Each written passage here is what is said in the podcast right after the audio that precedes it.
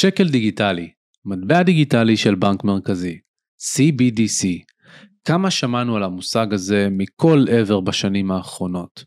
לא יכולתי לבחור אורח מוצלח יותר ולזכות בהזדמנות לארח בכיר בהנהלת בנק ישראל, המוסד הפיננסי אולי החשוב ביותר במדינה והגוף שלמעשה אחראי על ייצור הכסף, כמו גם גרסתו הפוטנציאלית, השקל הדיגיטלי. עודד סלומי הוא יזם, לשעבר העובד הראשון של ויזה במדינת ישראל, עבד בחברות הייטק שונות, עד שלפני כשנתיים הצטרף לבנק ישראל.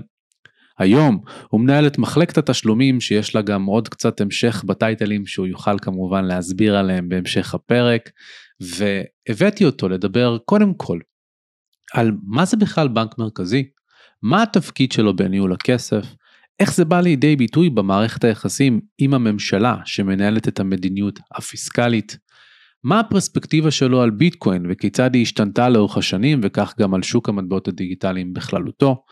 דיברנו גם על המהות שסובבת סביב האידיאולוגיה של ביטקוין שמעוניין ליצור תחרות בשוק הכסף, ולאחר מכן צללנו לתוך השקל הדיגיטלי. מה זה הפרויקט הזה? מהן המטרות של בנק ישראל בכך שהוא מבצע כיום ניסויים ומחקרים בנושא הזה כולל עם מדינות אחרות ועם גופים בינלאומיים. מה היתרונות, מה החסרונות של השקל הדיגיטלי ואיך ייראה עולם בתרחיש היפותטי שעודד ואני לא מסכימים עליו, שבו ביטקוין ומטבעות דיגיטליים נהיים אמצעי תשלום נרחב. אתם הולכים ליהנות מהפרק הזה בטירוף, אין לי אפילו צל של ספק. נהניתי מאוד לקיים את השיחה עם מישהו שבעצם מייצג את המוסד שהוא האנטיתזה לביטקוין ואנטיתזה במובן מסוים לאידיאולוגיה שלי או להרבה ממנה. אני חושב שהשיחות האלה הן אינטגרליות שאנחנו צריכים לקיים כאן בתעשייה. והיה לי באמת לכבוד לקיים אותה, ותספרו לי כמובן בתגובות מה חשבתם עליה.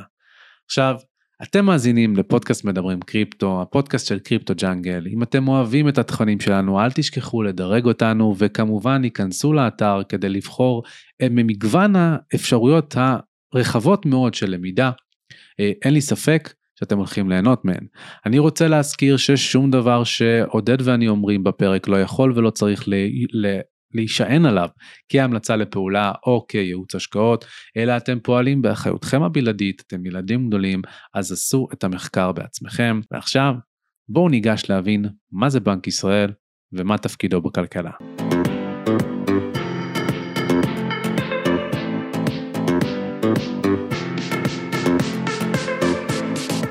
עודד סלומי, ברוכים הבאים לפודקאסט מדברים קריפטו, מה שלומך הבוקר? טוב מאוד, תודה רבה, תודה שהזמנת אותנו. בשמחה גדולה, באמת הכבוד הוא לי, אה, לא כל יום אה, יוצא לך לדבר עם בכיר בבנק ישראל אה, שבא לשתף מהידע שלו, לשתף על לא רק על השקל הדיגיטלי אלא באופן כללי מה זה בכלל בנק מרכזי, מה אנחנו צריכים לדעת לגבי זה, אז באמת המון המון תודה שאתה כאן. בואו נלך אחורה, אני אשמח. לפני שנתחיל אני רוצה להגיד שלי זה גם פריבילגיה להיות פה מכיוון שיש אצלנו אומרים שהצעירים אה, יש להם ידע שאין למבוגרים בימים אלה ויש אצלנו בחור בשם יונתן שהוא סטודנט אה, אצלי במחלקה, לא הרבה זמן, כמה חודשים אצלנו, והוא כל הזמן מצטט את בן סמוכה ומסביר לי מה זה ריבית ולמה צריך ריבית ולמה צריך יעד האינפלציה ומאתגר, ואני אומר לו איפה מגיעות כל השאלות האלה? אז הוא אומר לי בן סמוכה אני מקשיב גם אתה צריך. איזה אלוף. אה, גם בבנק המרכזי מדברים על הפודקאסט הזה. איזה מדהים איזה כיף לשמוע. אז שלום יונתן, שתצפה בזה בוא תגיד לי. דש חם יונתן. מדהים. אז באמת זה, זה חלק מהשאלות שאני רוצה להציף כאן, לקיים על זה דיון כמו שצריך אה, על השאלות אה, היותר חשובות שצריכות להישאל בניהול הכסף שלנו, אבל לפני כן, מי אתה עודד סלומי? בוא נשמע על הרקע שלך קצת. אז אה, אני גדלתי בארצות הברית, אני למדתי משפטים וחזרתי ארצה ממש באמצע שנות ה-20, אז כבר הייתי ילד גדול. אה, הייתי בכל מיני תחומים אה, ובאיזשהו שלב בתחילת שנות האלפיים ראינו שיש אה, כל מיני יזמים שמאוד מצליחים. אמרתי לאשתי אני כבר מנהל יחידת רווח והפסד בתחום אחר אני רוצה גם להיות יזם ארזנו את המזוודות, נסענו לארה"ב, הקמתי חברת סטארט-אפ בתחום התשלומים, במוניות בניו יורק דרך אגב, hmm. כך נכנסתי לתחום. בסוף ב-2008, בערך בזמן שפרסמו את ה-white paper של סטושי נקמוטו, אה, המשקיעים שלי חזרו בהם, לא השקיעו עוד כסף, ההרפתקה הזו נסגרה וחזרנו לארץ. הייתי בכמה חברות הייטק, אה, בעיקר בתחום התשלומים, אה, באיזשהו שלב הייתה עוד חברה שנפלה שזה אה, מודו של דוב מורן, חלק מהמאזינים אולי מכירים, hmm. הבנו טוב, יש כבר ילדים, צריך יציבות בפרנסה, הגעתי לוויזה עולמית איכשהו, הייתי העובד הראשון של ויזה עולמית בישראל, הצגתי את התאגיד הזה כמעט עשור. הלקוחות שלנו היו חברות האשראי והבנקים בגדול, אה, והמתחרה העיקרי היה מאסטר קארד אז נכנסתי די עמוק לעולמות התשלומים המסורתיים. אה, באותה תקופה ביטקוין פחות או יותר אה, כבר התחילה, אני הצטרפתי ב-2010 אז שנתיים שלוש אחרי שפרסמו את ה-white paper הראשון. בוויזה המטרה המרכזית הייתה להגדיל מחזורים בכרטיסי ויזה במדינה אה, אבל גם באיזשהו שלב הצלחתי לשכנע את החברה לפתוח מרכז חדשנות שקיים עד היום אה, בתל אביב, אה, חברות סטארט-אפ שעובדות עם החברה ועם בנקים שעובדים עם ויזה. ובמסגרת הזו התחלנו להיתקל בחברות קריפטו בישראל, זה עוד היה די בתחילת הדרך, זה לא היה בוגר כפי שזה היום, ואחרי ויזה עבדתי בעוד חברת הייטק, ואז יצאתי לעצמאות, ואז ראיתי מישהו צילם מודעה בעיתון על התפקיד הנוכחי, שהוא בעצם uh, התפקיד הכי מרכזי במדינה בתחום התשלומים. לא יכולתי לא לגשת, לקח הרבה זמן עד שסיימתי את כל תהליך הגיוס ושיניתי uh, תוכניות, שיניתי חיים. והיום אני נוסע לירושלים בבוקר, כן. בדיוק מה שבאתי להגיד. כן, לא, הנסיעה לירושלים בטח צריכה להיות קשוחה. אוקיי, קודם כל רקע מרתק. מה בעצם התפקיד שלך בבנק ישראל ולאחר מכן גם נחבר את זה לקריפטו ומתי נחשפת לזה לראשונה. אז אה, קודם כל אני חבר הנהלה, זה תפקיד שלא היה בהנהלה קודם, הנגיד הבין שבישראל יש דרך עוד לעשות בתחום התשלומים, רצה לסגור פעם מול מדינות אחרות, רצה את זה איזשהו ארגון, אה, והתפקידים שלי הם בעצם אה, שלושה, הטייטל הרשמי הוא אה, ארוך, מנהל מחלקת מערכות תשלומים וסליקה, אה, ובכובע הזה יש לנו שלושה תפקידים מרכזיים. אחד, אנחנו ספק קריטי למגזר הפיננסי, ממש ספק טכנולוגי, כמו חברה שמוכרת שירותים, אנחנו גם מקבלים תשלום על השירותים האלה, אבל אה, זה ללא כוונת רווח, ויש שתי תשתיות מרכזיות שאנחנו נותנים למשק, אחד זה מערכת זהב, שהיא מאפשרת אה, היא נותנת סליקה סופית של, המ... של הכסף, מה זה אומר? כל פעם שאתה משלם למישהו אה, באיזושהי דרך, בסוף כשהכסף זז, זה עובר דרך המערכת שלנו, אה, יותר מ-500 מיליארד שקל ביום, כל יום, כולל היום, עוברים במערכת הזו, אותו יונתן שהזכרתי קודם עובד שם. יש עוד uh, מסלקה מסלקת הצ'קים, שזה יותר מ-800 מיליארד שקל בשנה. זה אחד, אנחנו מפעילים כמעט כל, לא כמעט, כל המגזר הפיננסי באופן ישיר או בלתי ישיר עובד באמצעות uh, מערכת זהב, זה, ובאנגלית זה RTGS, Real Time Gross Settlement, אם נדבר על wholesale CBDC אחר כך נחזור לזה. Uh, אנחנו וגם מפעילים את מסקת הצ'קים אמרתי. Uh, תפקיד שני שהוא מהותי, אנחנו גם מפקחים. אה, בציבור מכירים את המפקח על הבנקים, הוא מפקח על בנקים. אה, יש גם עוד מושג שקוראים לו מערכת תשלומים, שהיא מחברת בין שני גופים פיננסיים שמעבירים כסף, כסף ביניהם, זה יכול להיות שכסף עובר בין חברות האשראי, אה, זה יכול להיות כסף, צ'קים שעוברים בין בנקים, זה יכול להיות העברות בנקאיות, יש כל מיני כאלה. Mm-hmm. והמערכת שמחברת בין הגופים שמעבירים את הכסף היא מערכת תשלומים, ותצריך לפקח עליה. כי אם היא לא תעבוד, הציבור ירגיש את זה יותר ממצב שבנק בנק לא יעבוד.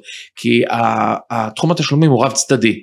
אז בכל סוג של אמצעי תשלום יש מערכת תשלומים שמשפיעה על כל המשק אז אנחנו גם צריכים לדאוג ליציבות וזה הרבה מאוד זה אומר הרבה מאוד דברים טכנולוגיים פיננסיים נזילות אפילו נושאים של ממשל תאגידי ומשפטית וכולי אבל גם אנחנו בין הרגולטורים היחידים בתחום הפיננסי שהעקרונות הבינלאומיים שלנו מכתיבים לנו שאנחנו צריכים לדאוג לגישה שוויונית והוגנת למערכות התשלומים האלה על ידי כל, כל, על ידי כל גוף שעומד בקריטריונים מינימליים. מה זה אומר גישה שוויונית והוגנת? זה אומר אה, כל הבנקים?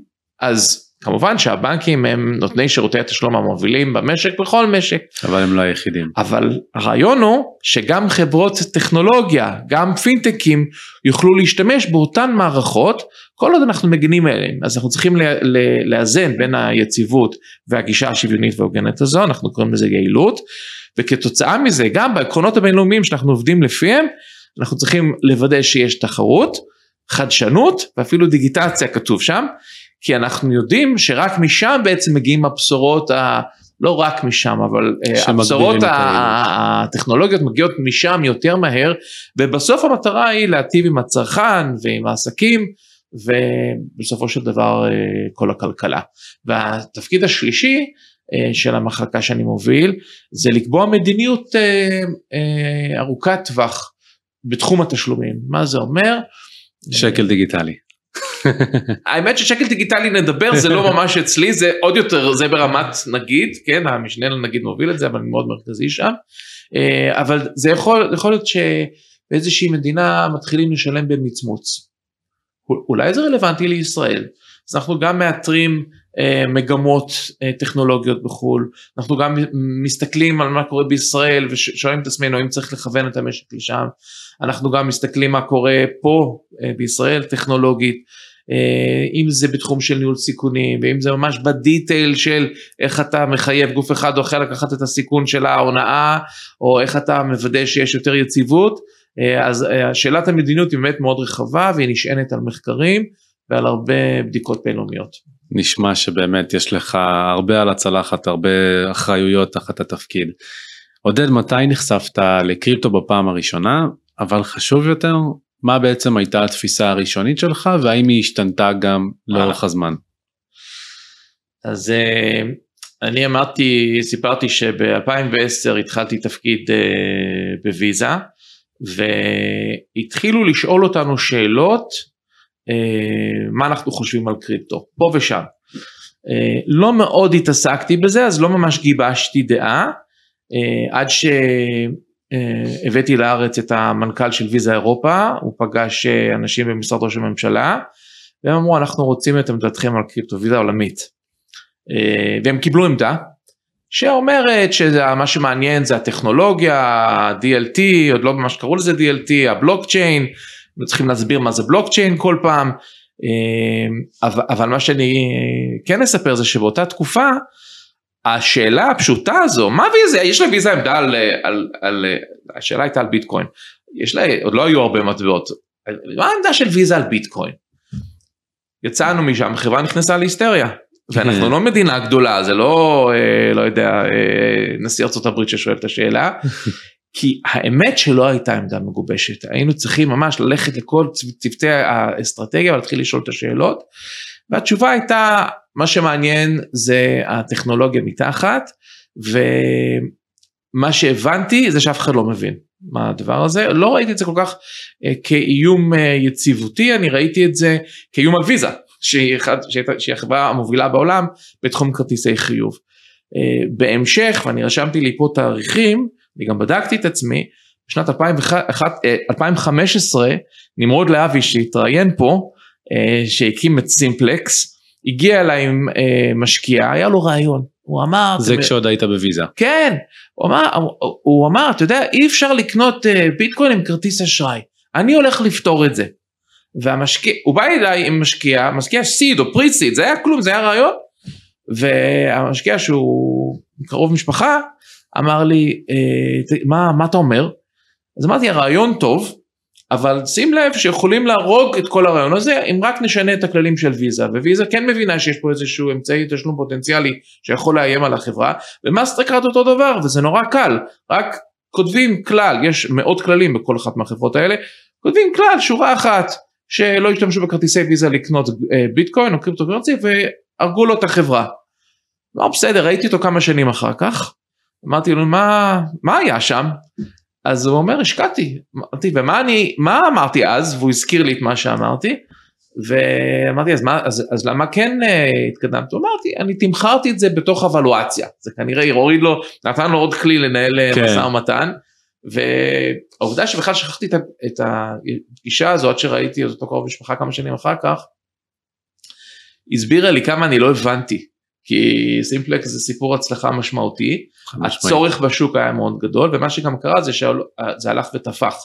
אמ, אז בלי שהתחום המסורתי בפיננסים ובתשלומים שם לב, כל הזמן כאילו הבנו שקורה משהו, הדבר הזה מאוד מאוד גדל, אז אולי אני גם אומר שזה לימד אותי שצריכים להיות יותר קשובים לדברים שהם לא מיינסטרימים, והיה עוד משהו שרציתי לספר, אה, אחרי שעזבתי את ויזה, עוד שני אירועים. Hmm. כשעזבתי את ויזה אני אה, אה, הייתי עצמאי תקופה והזמינו אותי לדבר בכנס. רציתי לדבר בכנסים כדי למכור שירות, שיבינו איזה מומחה אני ואז אה, יבקשו ממני לעשות כל מיני פרויקטים. וזה היה כנס אה, קריפטו.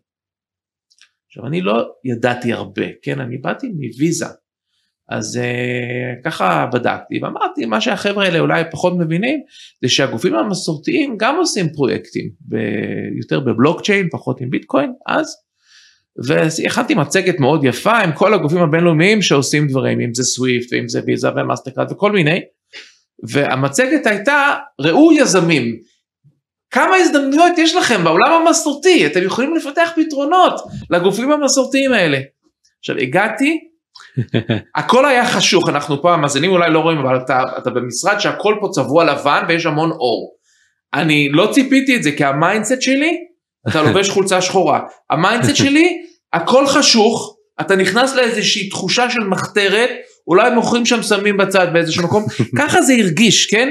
ו- וכשאני עליתי על הבמה והתחלתי לדבר על אני ממש הייתי מבוהל, איך אני יכול להגיד דברים כאלה שהם לא אנטי ממסדיים ותוקפים את הממשלה ואת הבנק המרכזי, ואז הצגתי את המצגת שלי ואני זוכר שאני הייתה לי תחושה שתכף זורקים עליי עגבניות ומי שהציג אותי אפילו לא הודה לי, כולה היה הזדעזע שאני אמרתי דברים שהם לא נגד הממשלה. אני חושב שהמשק והתחום מאוד התקדם מאז, יש הרבה יותר שיתופי פעולה, יש גם מודל הקסטודי שבנקים uh, מתחילים uh, לאמץ, זה כן נכנס יותר למיינסטרים, שיש שאלה מה זה אומר על הדיאולוגיה של כל התחום הזה, uh, ואולי הדבר האחרון, כשהצטרפתי לחברת הייטק בשנת 2019, אני הייתי אחראי להקים סליקה ב-80 מדינות, כן, בתחום ה mobility, היינו בדרך לעשות את זה, וכל הזמן ישיבות product עם כל הפרודקטים וכולי.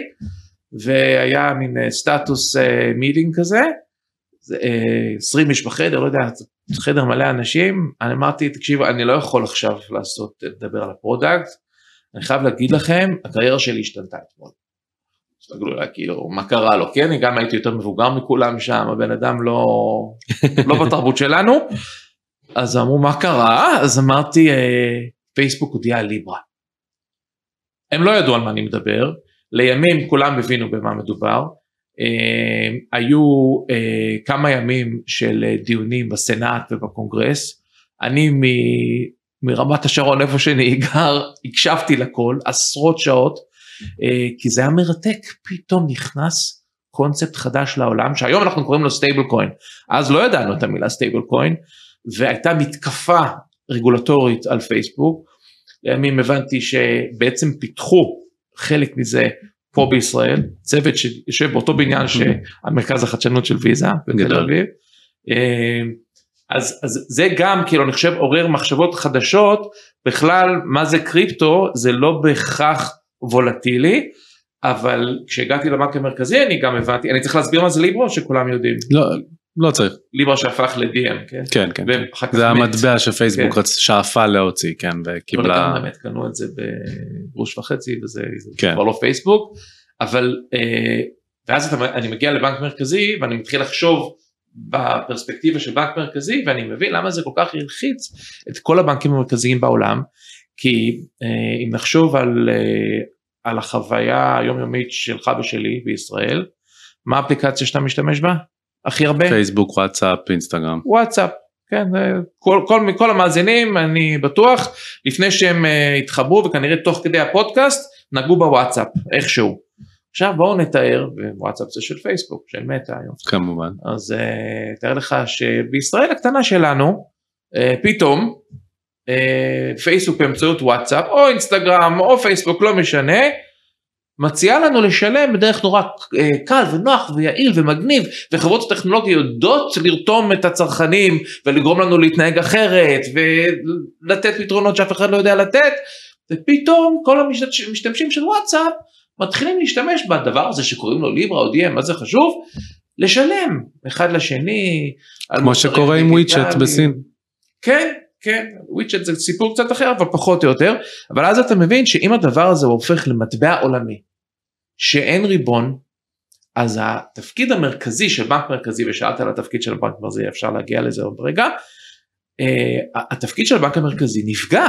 כאילו לא, אתה לוקח אחד מהכלים הכי מרכזיים שיש לנו ובעצם נותן אותו לאיזה גוף אחר. ולכן הייתה הפאניקה של כל הבנקים. חד משמעית, בטח הייתה התעוררות מאוד דרמטית סביב הנושא והדיונים בקונגרס ובסנאט באמת היו מרתקים לצפייה.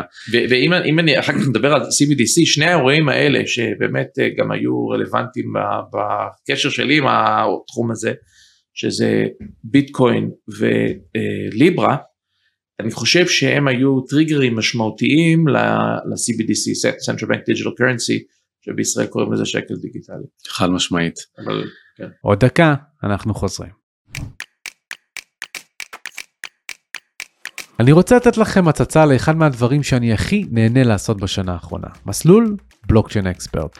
קורס ייחודי וממוקד עם הסמכה רשמית של הלשכה לטכנולוגיות המידע בישראל שיהפוך אתכם למומחים בטכנולוגיית הבלוקצ'יין. מאחורינו כבר כמה מחזורים, יותר מ-100 משתתפים, ביניהם רואי חשבון, עורכי דין, סוכנים, יועצים, בכירים בתעשייה המסורתית ובתעשיית הקריפטו, וכולם באו ללמוד מהמרצים המומחים ביותר בתעשייה. הבלוקצ'יין הוא אחד מהתחומים הלוהטים ביותר בעולמות הפיננסים והטכנולוגיה, ולמרות התקופה המאתגרת שהשוק הזה עובר, החברות והתאגידים הגדולים בעולם, כמו בנק לאומי, ויזה, פייפל, ג'יי פי מורגן, מבינות שהטכנולוגיה כאן כדי להישאר, מגייסות עובדים ומפתחות מוצרים במרץ. אבל העובדים האלה צריכים ידע והכשרה מקצועית, וזה בדיוק מה שאנחנו מספקים. אם אתם רוצים לקדם את הקריירה והעסקים שלכם ולהיות בחזית של עולם הטכנולוגיה והתעסוקה של המחר, זאת ההזדמנות שלכם. שריינו את מקומכם במחזור הבא של בלוקצ'יין אקספרט. כל מה שאתם צריכים לעשות זה להשאיר שם וטלפון בקישור למטה, ואנחנו נדאג לשאר.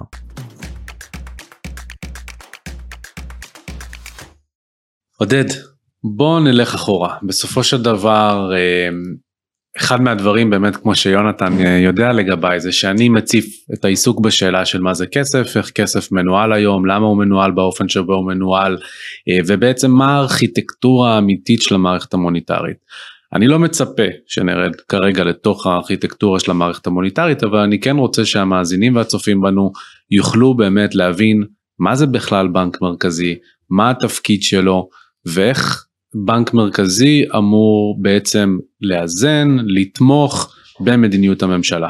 אז בואו קודם כל נתחיל מלמעלה באמת מה התפקידים של בנק מרכזי, אני כן אומר שלא כל בנק מרכזי הוא זהה לבנק מרכזי אחר, אה, יש לנו ממש מיפוי, מה, מה הייתה עבודת אסטרטגיה בבנק ישראל לפני כמה שנים, רגע לפני שהגעתי, ומיפו אמרו אוקיי בואו נסתכל על כל הבנקים המרכזיים בעולם וכל אחד מה התפקידים שלו, אוקיי, אז אני אגיד תפקידים של בנק אה, מרכזי בישראל זה משתנה ממקום למקום. בדרך כלל אבל יש חפיפה די ברורה לפחות כן. בתפקיד המרכזי. אז כל הבנקים המרכזיים מייצרים את הכסף, מנפיקים שטרות ומעות וגם מנפיקים אה, אה, כסף של הבנק המרכזי לתוך חשבונות של הבנקים המסחריים. אוקיי? זה כל הבנקים המרכזיים עושים וכך גם מנהלים את כמות הכסף לפני שנותנים אשראי. זה אחד. וזה כלי מרכזי אה, לדברים הבאים וזה אחת מהסיבות שהייתה תגובה קשה כשהבינו שאולי פייסבוק תיקח את התפקיד הזה. אה, הבנק גם קובע מדיניות מוניטרית, ב- בישראל יש לנו uh, את המועצה המוניטרית שקובעת את המדיניות וכולם מכירים את uh, הודעות הריבית, הייתה לנו הודעת ריבית השבוע גם המשכנתה שלי עלתה, ו, אבל, אבל, אבל יש עוד כלים מוניטריים, ואתה אומר, מה, למה צריך מדיניות מוניטרית? קודם כל בואו נחשוב. אז היעד המרכזי של, של הבנק המרכזי הוא לשמור על יציבות המחירים ו, ולמנוע אינפלציה מעל היעד. יודע שהיו פה בפודקאסט דיונים על הנושא של אינפלציה, אם אפשר לחיות עם אינפלציה גבוהה או לא, אבל היסטורית אנחנו רואים שכשהאינפלציה יוצאת משליטה, שנות ה-80 בישראל הגענו למאות אחוזי אינפלציה, זה פוגע קודם כל באוכלוסיות החלשות, ואם אנחנו רוצים חברה מתוקנת, אה, צריך שהמחירים יהיו יציבים. דרך אגב, כל התיאורטיקנים הכלכלניים עוד אה, מהמאה ה-19 ומה שלומדים בכלכלה, בכלל לא מתחילים עם כלכלה, הם מתחילים על תיאוריות על החברה. והתיאוריה של החברה היא אה, אומרת שכן צריך להגן על האוכלוסיות החלשות, החלשות, ואם אתה שומר על מחירים יציבים, זה אחד מהדרכים לעשות את זה. אז אה, כשנגיע לדיון הפילוסופי על אידיאולוגיה אה, כן קריפטו לא קריפטו, אם אנחנו מסכימים שרוצים לקבוע כמה עקרונות ואחד מהם הם להגן על אוכלוסיות חלשות, אני חושב שזה מחזק את הצורך בגוף שיודע לעשות את זה. אה, אז אמרתי, אנחנו אה, קובעים מדיניות מוניטרית עם כמה כלים, מיישמים אותה באמצעות כמה כלים, אחד זה אה, ריבית, שזה עלות הכסף, אז ככל שהאינפלציה עולה, אז בדרך כלל בכל העולם כדי למתן אותה, מעלים את, את הריבית, ואם האינפלציה יורדת אז אפשר קצת להוריד את הריבית, וזה משהו שאני לא מעורב בו בכלל, יש אנשים שמבינים בזה, אני לא, לא אחד מהם. אה, המדינה גם, הבנק גם אה, משקיע רזרבות של המדינה, בישראל, אה, בבנק ישראל יש תיק של 200 מיליארד דולר שמשקיעים בכל מיני אפיקים. אחד מהכלים שיש בתחום המוניטרי זה גם הבנק יכול לקנות או למכור מטח, אם זה דולרים או אם זה אירו, וכך להשפיע על שער החליפין. אנחנו לא קובעים את שער החליפין, זה היה בעבר, זה כבר לא קורה, אבל כן אפשר באמצעות השוק הפתוח לגרום אה, למגמות, אה, אה, להשפיע על המגמות. אנחנו, יש לנו עוד תפקיד שהוא מאוד מוכר וידוע, שזה חטיבת הפיקוח על הבנקים ברשות המפקח על הבנקים, שמפקחים על כל בנק ובנק ודואגים ליציבות שלו, דואגים שהוא שומר מספיק כסף ברזרבה, שיש לו מספיק נזילות, כי הרי מה בנק עושה, הוא מקבל פיקדון ממך וממני, אתה יזם אז אתה עושה, אתה לוקח סיכונים כדי אה, להגיע לרווח בסוף החודש, אני שכיר, אני מקבל משכורת, אני עובד בשביל הכסף שלי, אה, ואז אני מפקיד אותו בבנק, ואז הבנק לוקח את הכסף, חלק גדול מהכסף, ומלווה אותו למישהו אחר, אז איך אני יכול לסמוך עליו? אני יכול לסמוך עליו כי הפיקוח על הבנקים דואג לזה שהוא שומר, שהוא עובד לפי כללים ושומר מספיק נזילות ורזרבות, אה, כך שכשנרצה את הכסף שלי נקבל אותו, הוא יהיה שם.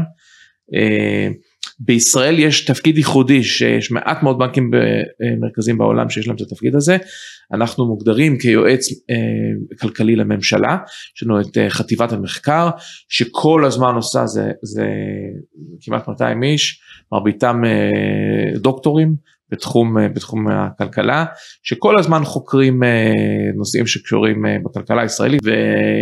כתוצאה מהמחקרים באמת זה המקום שמעמיקים אה, במחקרים על הכלכלה הישראלית יותר מכל מקום אחר ואז משם אפשר להגיע להמלצות לממשלה שבהרבה מקרים הממשלה גם מאמצת. אה, אנחנו מנהלים תשתיות של המדינה בתחום הפיננסי דיברתי על מערכת זהב שאני מתפעל ועל מסלקת הצ'קים mm-hmm. יש גם את מאגר נתוני אשראי שאמור לעודד תחרות בתחום האשראי שנותן לגופים אה, חדשים חוץ בנקים זה משהו שרק אה, קם בשנים האחרונות ואנחנו באמת רואים היום כמעט כל נותני אשראי בודקים אה, את דירוג האשראי של הלווה במאגר הזה לפני שהיה המאגר הזה אז היה מאוד קשה לתת הלוואות כן. אם לא היית אחד מהגופים המסורתיים. דיברתי על זה שאנחנו מפקחים על מערכות תשלומים ואנחנו גם בנקאי של הממשלה אז אם עד שהגעתי לבנק ישראל לא חשבתי על זה, אבל uh, כשאני שכיר, אז חלק גדול מאוד מהמשכורת ברוטו שלי לא מגיע אליי, זה מגיע לממשלה. אז איפה הכסף הזה יושב? עכשיו, אם משרד האוצר ייקח את כל הכסף הזה וישים אותו בבנק מסחרי, יש לנו בנקים מסחריים במדינה שהם מפוקחים על ידי הפיקוח על בנקים, אבל עדיין, אם הבנק המסחרי הזה יגיע לאירוע של חדלות פירעון או תהיה איזושהי בעיה, כל הכסף של הציבור uh, בסכנה.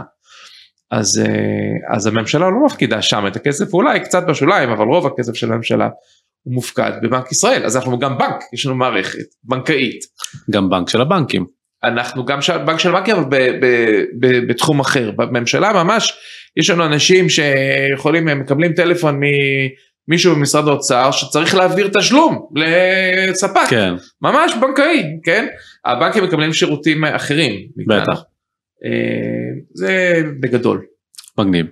ובאמת אה, כמו ציינת בנק, בנק ישראל משתמש בכלי שנקרא מדיניות מוניטרית נתת כמה דוגמאות כמו התזוזה של הריבית התערבות בשוק המטח התערבות בשוק החוב אה, במה זה שונה ממדיניות פיסקלית שזו למעשה המדיניות שמותווית על ידי הממשלה.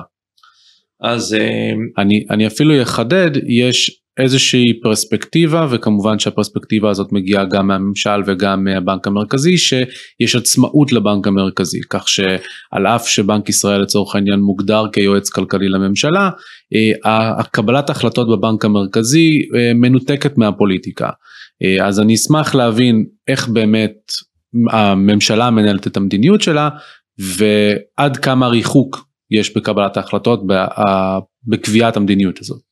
בסדר אז אני אענה אה, בשלושה חלקים. אחד אני אסביר מה זה מדיניות פיסקלית. שתיים מה זה בנק המרכזי ומה העצמאות שלו. ושלוש מה, מה הקשר ביניהם. בסדר? אז מדיניות פיסקלית. אה, מילה גדולה. אבל בואו נוריד את זה לקרקע.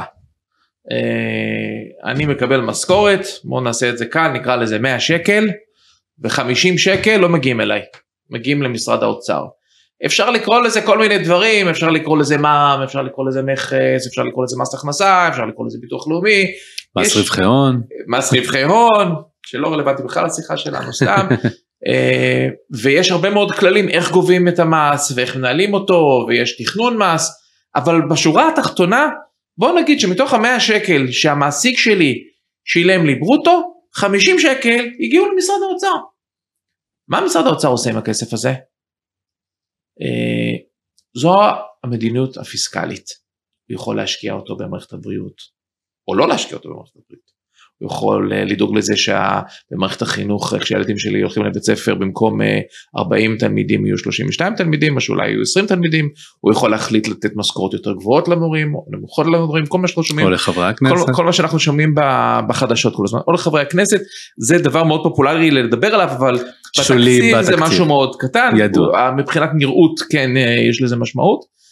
הוא יכול להביא מנהלים שמתגמלים אותם יותר או פחות מנהלי בית ספר הוא מקים אה, חברות ממשלתיות, הוא מקים תשתיות. בקיצור זה איך משתמשים בתקציב, שתקציב זה פיסקל, פיסקל כן. תקציב. עכשיו המדיניות הפיסקלית נותנת ביטוי לפוליטיקה באופן מסיבי ואנחנו רואים את זה בדיוק עכשיו שיש לנו חילופי ממשלות. הוא יכול להחליט שהוא משקיע בתשתיות באזור מסוים במדינה, במדינה או באזור אחר במדינה. הוא יכול להחליט שהוא מחזק אוכלוסייה מסוימת או שהוא מחליש אוכלוסייה מסוימת. הוא יכול לקחת כסף מ... אה, קבוצה סוציו-דמוגרפית מסוימת ולתת אותו לקבוצה אחרת.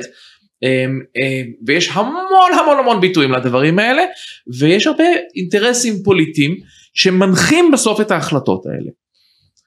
השיקולים גם כלכליים, אמורים להיות כלכליים, אבל מכיוון שאנחנו בדמוקרטיה והפוליטיקאים רוצים להיבחר שוב, אין מנוס מפוליטיזציה של ההחלטות הפיסקליות. זה בכל העולם, זה לא רק בישראל, בישראל לפעמים יש קצת היפר דמוקרטיה, אבל אין דמוקרטיה בלי התופעה הזו, ככה זה עובד. אה, עכשיו הבנק המרכזי. הבנק המרכזי יש לו את חטיבת המחקר כמו שהבנתי, הסברתי, כמעט 200 איש, יותר, בערך חצי מהם דוקטורים, ומאוד קשה להתקבל, כן, זה, זה הכלכלנים הכי טובים, שכל היום רק חוקרים לא את הפוליטיזציה, לא אה, האם צריך לחזק אוכלוסייה אחת או אחרת כי מישהו יבחר בי או לא, אלא מה טוב לכלכלה בטווח הארוך. איפה נכון להשקיע? מה נכון לעשות בהיבטי מס? להעלות מס כזה, להוריד מס כזה? והמטרה של הבנק, כמו שאמרתי קודם, היא לדאוג ליציבות, ליציבות המחירים, ו, וגם ליציבות הפיננסית של כל המשק. יש מתח בין השניים. כי הפוליטיקאים רוצים להוביל אג'נדה פוליטית מסוימת ולבזבז והמטרה של הבנק המרכזי היא להסתכל לטווח יותר ארוך על הכלכלה ברמה הוליסטית אה, ולפעמים כן ההמלצה היא לקחת אה, מאזור מסוים ולהשקיע אותו במקום אחר. אולי צריך אה, תשתית יותר איתנה בתחום מסוים. ואני אני לא זה לא חייב להיות תשתית פיזית זה יכול להיות תשתית שמקדמת את דורות העתיד או מחזקת את הבריאות בתקופה שהאוכלוסייה הולכת ומתבגרת וזה גם תלוי במדינה זה לא חד חד ערכי זה מאוד מאוד ייחודי לכל מדינה וזה גם משתנה עם הזמן. האם הגוף הזה הבנק המרכזי בנק ישראל הוא עצמאי? אה, כן אנחנו גוף סטטוטורי אנחנו אה, מקבלים החלטות משלנו משרד האוצר והפוליטיקאים לא יכולים גם על פי חוק להתערב בהחלטות הריבית הרבה פעמים אם הריבית עולה ויש הרבה תלונות על יוקר המחיה וכל מיני דברים כאלה, אז uh, הציבור יבוא בטענות לפוליטיקאים. והפוליטיקאים אולי ירצו להשפיע על החלטות הריבית, אבל זה by design, לא רק בישראל, שוב, כל הדמוקרטיות המפותחות, הבנק המרכזי חייב להיות עצמאי. והסיבה המרכזית היא לא רק כי אולי זה לא פייר או לא הוגן אה, להכניס פוליטיזציה בהחלטות כלכליות, אלא כי צריך את האיזון הזה. אם אנחנו אה, מתמודדים עם משבר כלכלי, והיו משברים, אה, אז צריך לדעת לפעמים לקחת צעדים שהם לא קלים ולא פשוטים, לפעמים באופן מאוד מאוד מהיר, בלי להתחשב בפוליטיקה. כי אולי הפוליטיקאי שיקבל את ההחלטה הזו יאבד את מקום עבודתו מחר בבוקר כשיהיו בחירות או אולי תהיה הצבעת אי אמון או אני לא יודע מה. אבל לפעמים אין מה לעשות צריך לעשות משהו. ואני אני, אני אלך למקום אה, שהוא לא ישראל. ממש לא מזמן באנגליה הייתה ראשת ממשלה כמה ימים בודדים זה היה מדהים. כן. פחות חודש אפילו לא הציג החזיקה פחות מחסה. כן והיא קיבלה כמה החלטות פיסקליות, כן, שהולכת להוריד מיסים והולכת לסבסד את עלויות האנרגיה ועוד, אה, שמאוד הדאיגו את כל המשקיעים. וזה עשה בלאגן והריביות וה, על האג"חים עלו בטירוף וזה ממש התחיל לפגוע בימים ספורים כמה החלטות שהיא עשתה אחת אחרי השנייה לפגוע ביציבות הכלכלית של אנגליה אחת מהכלכלות המובילות בעולם, זה היה מדהים כמה מהר זה קרה.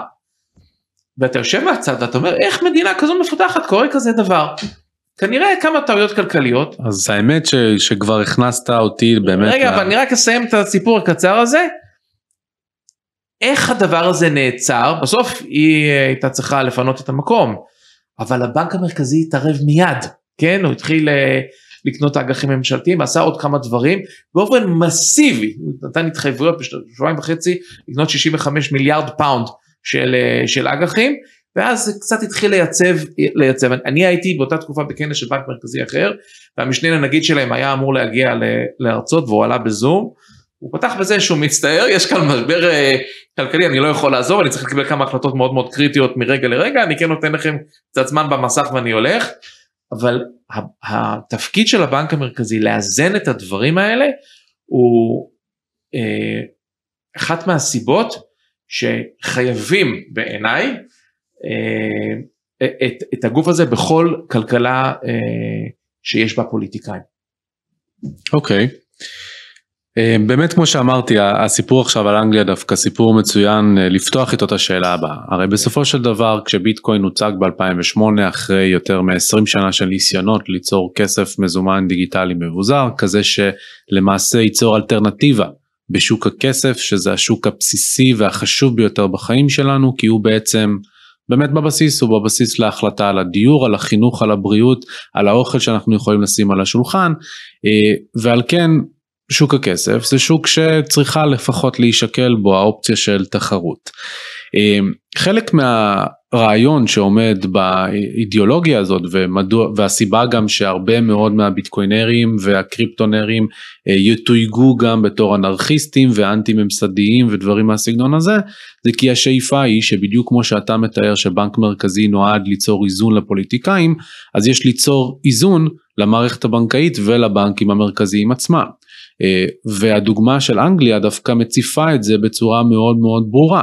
הרי בסופו של דבר, איך יכול להיות, צריכה להישאל השאלה, גם על 2008, גם על 2015 וגם על 2019 אה, בשוק הריפו ואתמול שלשום באנגליה, איך מלכתחילה מגיעים לסיטואציה כזאת שתוך ימים בודדים מהרגע שנבחרת פוליטיקאית חדשה ובין אם היא תקבל החלטות נכונות או לא, מגיעים למצב שהיציבות המוניטרית קורסת עד לכדי סיטואציה שבה מאות מיליארדי דולרים שווי פנסיות של בריטים אה, בעצם עמדו להימחק ואילצו את הבנק המרכזי לפעול. הרי זה לא שזו הייתה פה פעולה יזומה, הוא נאלץ להתערב כנגד המדיניות המוניטרית שהוא התווה ולהתאים את עצמו. כי הוא מה אתה מתכוון שאתה אומר כנגד המדיניות המוניטרית של שהבנק לא המרכזי, הבנק המרכזי באנגליה, הוא הגיב למדיניות לא, הפיסקלית. לא, אבל אני מציין שהבנק המרכזי יש לו מדיניות מוניטרית שבמסגרתה הוא מצמצם כעת אה, גם כמותית וגם מעלה את הריבית כדי להילחם באינפלציה. נאלץ לשנות מדיניות זה מה שאתה אומר. בדיוק, בן לילה, בגלל הסיטואציה הזאת. אבל הוא הצליח. הוא, הוא הצליח אבל באיזה מחיר. וזו השאלה שמוצפת בעצם על ידי ביטקוין ועל ידי השאלה הזאת של מה זה בכלל כסף. הרי מה, אם אנחנו ננסה להנדס מח, לאחור את הארכיטקטורה של הדבר הזה, בסופו של דבר מה שהוביל את המערכת לחוסר היציבות ואני כמובן מפשיט כדי לא להיכנס ל, לעומק הדברים זה שיש גופים שהתנהלו בצורה חסרת אחריות עם הרבה מאוד מינוף על שווקי החוב באנגליה ובזה שה... הם קרסו מהצמיחה המהירה בריבית ובעקבות ההחלטות של ליסטרס אה, ראשת הממשלה בבריטניה בעצם הבנק המרכזי התערב ותגמל אותם על התנהלות לא נאותה. אז הדילמה המוסרית הזאת קיימת באין ספור מקרים ברחבי המגזר הפיננסי בפרט שיש שיטענו ואני ביניהם כמובן המאזינים אה, שלי יודעים את זה שזה בעצם מוביל במובן מסוים ל, ל, לכך שהיום כסף מנסים להפוך אותו לעוד כסף במקום ליצור ערך כדי שיוביל לעוד כסף. כך שבעצם דילגנו על איזשהו שלב שבו המגזר הפיננסי מתפקד מול המגזר הריאלי, מול המשק, מול מה שבאמת אתה ואני עושים ביומיום שלנו כשאנחנו אה, קונים בסופר. אז אני אשמח לשמוע בעצם איך אתה רואה את ביטקוין בתמונה הרחבה הזאת והאם בעיניך בנק מרכזי בפני עצמו והמערכת הבנקאית שהיא דה פקטו אחראית על רוב ייצור הכסף בעולם כחוב, האם גם פה צריך איזון והאם תחרות בשוק הכסף זה דווקא יכול להיות דבר בריא. אמרת הרבה דברים, אני קודם כל רוצה להמליץ על שני ספרים למאזינים, אוקיי? יש פה ספר של בן בירננקי, אני ממליץ אותו לכולם, הוא יצא השנה, הוא מדבר על ההיסטוריה של המדינות המוניטרית. והוא מסתכל על כל מיני משברים שהיו במהלך השנים בארצות הברית ומסביר איך ניהלו אותם, משברים פיננסיים, כן? אם זה ב-1929 שזה היה Great Depression וכל התחנות בדרך בשנת 2000 עם הדעת קם ומגיע עד לפנדמיה של קוביד 19. אני גם אה, חושב שזה תרגיל מחשבתי מאוד מעניין לחשוב מה היה קורה אם לא היה בנק מרכזי במקרים האלה ומה היה קורה אם היה עוד מטבע פעיל. אני חושב שהמצב היה יותר גרוע לא יותר טוב. אני מסכים איתך שיש אה, בעיות בארכיטקטורה הקיימת ובן ברנקי שהוא אה, הכלכלן המוביל כנראה בימינו אה, בעולם גם מסכים. אבל החוסר הסכמה היא מה הפתרון. אם הגישה היא שהפתרון הוא, הוא אה, מטבע מבוזר ולא אחד, אנחנו מדברים כבר בעשרות, על עשרות אלפי מטבעות, בעיניי זה הרבה יותר מסוכן. יש אולי איזושהי אה, תפיסה שמדברת על חוכמת ההמונים, wisdom of the crowd, שאומרת אנחנו נבזר את כל הטכנולוגיה ובאמצעות הביזור של הטכנולוגיה אה, תהיה איזושהי יד מכוונת כלכלית שתוביל את הכלכלה ליציבות.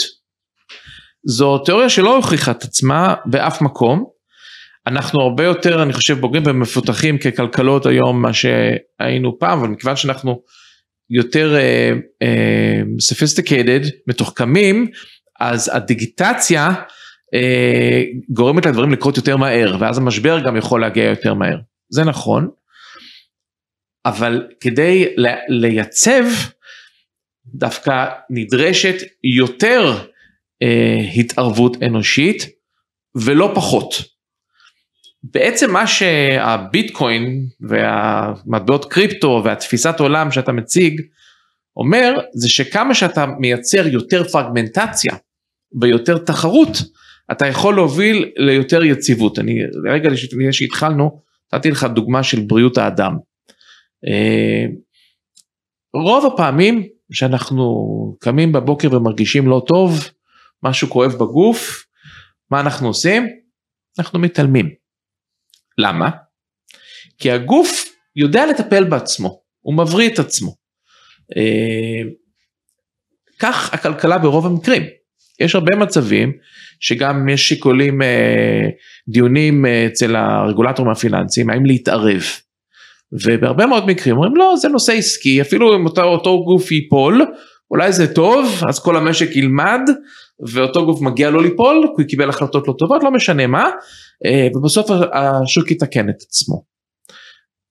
גם בגוף בסדר אבל לפעמים אנחנו מגיעים לחולי שחייבים להתערב. גם ברפואה היום אנחנו חיים הרבה יותר טוב הרבה יותר שנים בזכות מה? בזכות רפואה שהיא יותר טובה ובזכות זה שבסוף אם צריך עושים ניתוח ואותו פציינט עכשיו רכש לעצמו עוד 20 שנים של חיים חיים טובים ואם לא היית מתערב ומנתח לא היה עובד. עכשיו המנתח חייב להיות שם הוא צריך להיות מומחה הוא צריך להיות מישהו שעבר הכשרות הוא צריך לעקוב אחריך כמו שאנחנו עוקבים אחרי הכלכלה וכשיש בעיה הוא יודע להתערב אז יש כלים מוניטריים שמתערבים וכולי. ברגע שאומרים לא לא לא הדרך הכי טובה היא פשוט לייצר יותר פרגמנטציה ויותר תחרות בין מטבעות איזה פתרון הבאנו הבעיות ימשיכו להגיע.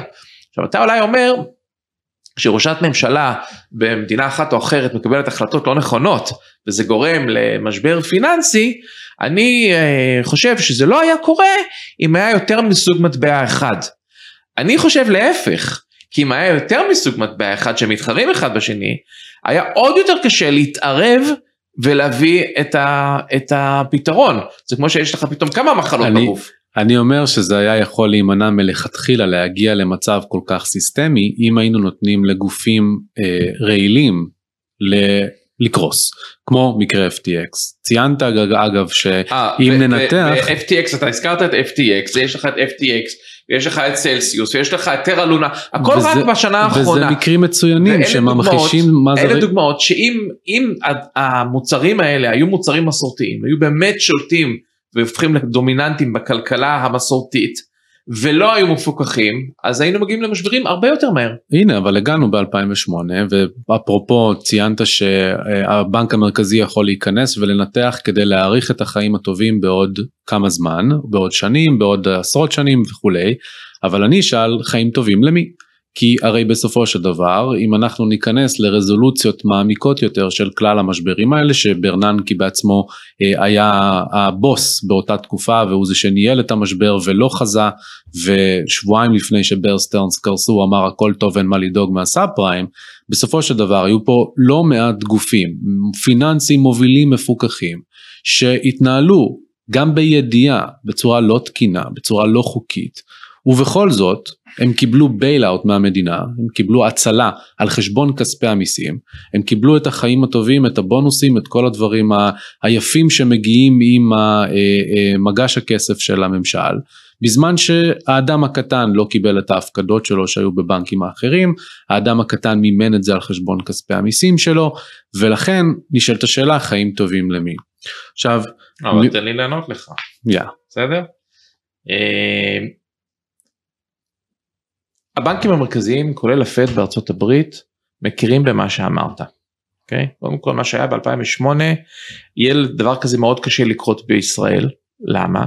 כי הנכסים הרעילים לא היו בידי בנקים. הם היו בידי גופים שהמילה בנק הייתה בשם שלהם, אולי בתיאור שלהם, אולי אה, את זה היו צריך, צריכים אה, לאסור, קוראים לזה בנקי השקעות, investment banks, שלא היו מפוקחים כבנקים, והנכסים הרעילים נכנסו בדלת פחות מפוקחת, והפד, כן, ובנקים מרכזיים ורגולטורים בכל העולם הבינו את הדבר הזה, והיום הפיקוח נראה אחרת, אבל כשאתה שואל, מי הרוויח ומי הפסיד והאם זה הוגן כלפי האיש הקטן כן אני אה, כלפי הכלל דיברת על האוכלוסיות החלשות. יפה מאוד. אז אבל הגישה אומרת בואו ניתן את, ה, את האחריות את הכוח לקבל החלטות לאיש הקטן. אבל בואו נחשוב רגע. מה יצר את הנכסים הרעילים האלה? בנקאים שבעצם קודם כל שני דברים. הדולר ומערכת הדולר הבינלאומית היורו דולר הלחצים גם שהגיעו מהעולם על ביקושים לדולר אבל משכנתאות רעילות שתויגו כ... איך מייצרים משכנתה רעילה? יש בנקאי השקעות שבא ולוקח מספר משקעות מאגד אותם ביחד הולך לפרדי. תראה לאדם הקטן אני אתן לך את התשובה שלי אני לא אני, אני לא אה, אני לא מצדיק את ההתנהגות של הבנקאים בתחום הזה כן? גם אני מסכים שצריך פיקוח יותר טוב וכולי. אבל אם נוריד את הכל לאוכלוסייה משמע it takes two to tango. כדי לתת משכנתה רעילה צריך גם לווה. יש היבט שהיום כבר אין עונשים. היום במשחקי כדורגל של ילדים לא מודדים תוצאה, אה, מי שמגיע במקום האחרון בתחרות הריצה מקבל מדליה, כל טוב? הכבוד, זה על הפנים. על הפנים. על מי הפנים. אמור לתת את העונש? אה, מה זאת אומרת? מי אמור להתוות מדיניות? אין בעיה עם ממשלה. שכשילד מרביץ לילד אחר, הוא נענש. מי מתווה את המדיניות בבית ספר? האדם האחראי, המנהלת, המנהל. ואז המורים. אז צריך מנהל. בשוק הכסף אנחנו נסכים, oh. נסכים שלא להסכים. Oh, אז, אז, אז המטאפור כמעט כל דוגמה שאתה תיקח, אם זה מתחום החינוך, תחום הבריאות, תחום התחבורה, אתה מבין שצריך מאסדר. כמה שאתה רוצה להפוך את הכל לדמוקרטי, ואני די קיצון בגישה שלי שכן צריך ביזור ודמוקרטיה בהמון תהליכים, אה, אני יוצא דופן בהרבה פורומים אה, של רגולטורים mm-hmm. בראייה הזו, עדיין בסוף אתה צריך מישהו ש, ש, שהוא האח הגדול והוא מסתכל כולל בתחום המטבעות והנכסים וה, הרעילים. מאחר ואני רוצה גם לכבד את הזמן שלך וגם כן. להספיק לדבר לא על השקל, על בדיוק, אז אנחנו נעבור לדבר על השקל הדיגיטלי, אני רק כן אומר שאומנם אני כן מייצג את תעשיית הקריפטו, לי יש את הדעות שלי על ביטקוין ביחס למטבעות אחרים, אני לא חושב שאנחנו נהיה בכלכלה מרובת מטבעות פרטיים אה, שכל אחד יוכל להחזיק, אה, אה, אני כן יכול לראות ערך במוסד כמו בנק מרכזי, אני פשוט חושב שהכוח שלו והכוח הפוליטי במדיניות הפיסקלית צריך להיות הרבה יותר קטן ולתת לה, לאדם הקטן בעצם להיות יותר צירתי עם האופן שבו הוא מסובב את הכסף. זה עניין של איזונים, אני, אני אגיד לך שיש משמעית. גם מדיניות אה, בבנק ישראל שהיא מובלת על ידי הפיקוח על הבנקים לנסות להעביר את הכוח ללקוח ויש הרבה מהלכים לעשות את זה לא הכל מצליח הדברים לוקחים זמן בטח. אבל כן יש הבנה שצריך להעביר יותר כוח ללקוחות מול הגופים המוסדיים מול הבנקים אבל זה לא אומר שצריך לבטל את זה. כן, של לבטל את המערכת ולהחליף אותה במערכת אחרת. חד משמעית. בחלק השני של השיחה, עודד ואני דיברנו על השקל הדיגיטלי. למה מלכתחילה בנק ישראל בוחן את השקל הדיגיטלי? מה הוא ירצה לראות במסקנות המחקר שלו שיעזרו לו להבין אם זה נכון או לא? מהן היתרונות שבנק ישראל רואה בהנפקת השקל, לעומת זאת מה הדברים שהם חוששים מהם. דיברנו גם על המלחמה המסתמנת בעולם שבו מטבעות דיגיטליים כן צפויים להפוך לאמצעי תשלום נרחב, משהו שעודד לא מסכים איתי לגביו, והאם זה אומר שבעצם תהיה כאן התנגשות בין העולמות. כך או כך, אני מזמין אתכם להוסיף עוקב לפודקאסט מדברים קריפטו כדי שלא תפספסו את הפרק שישתחרר מחר. נשמח גם שתדרגו אותנו באפליקציה ולשמוע את הפידבק שיש לכם.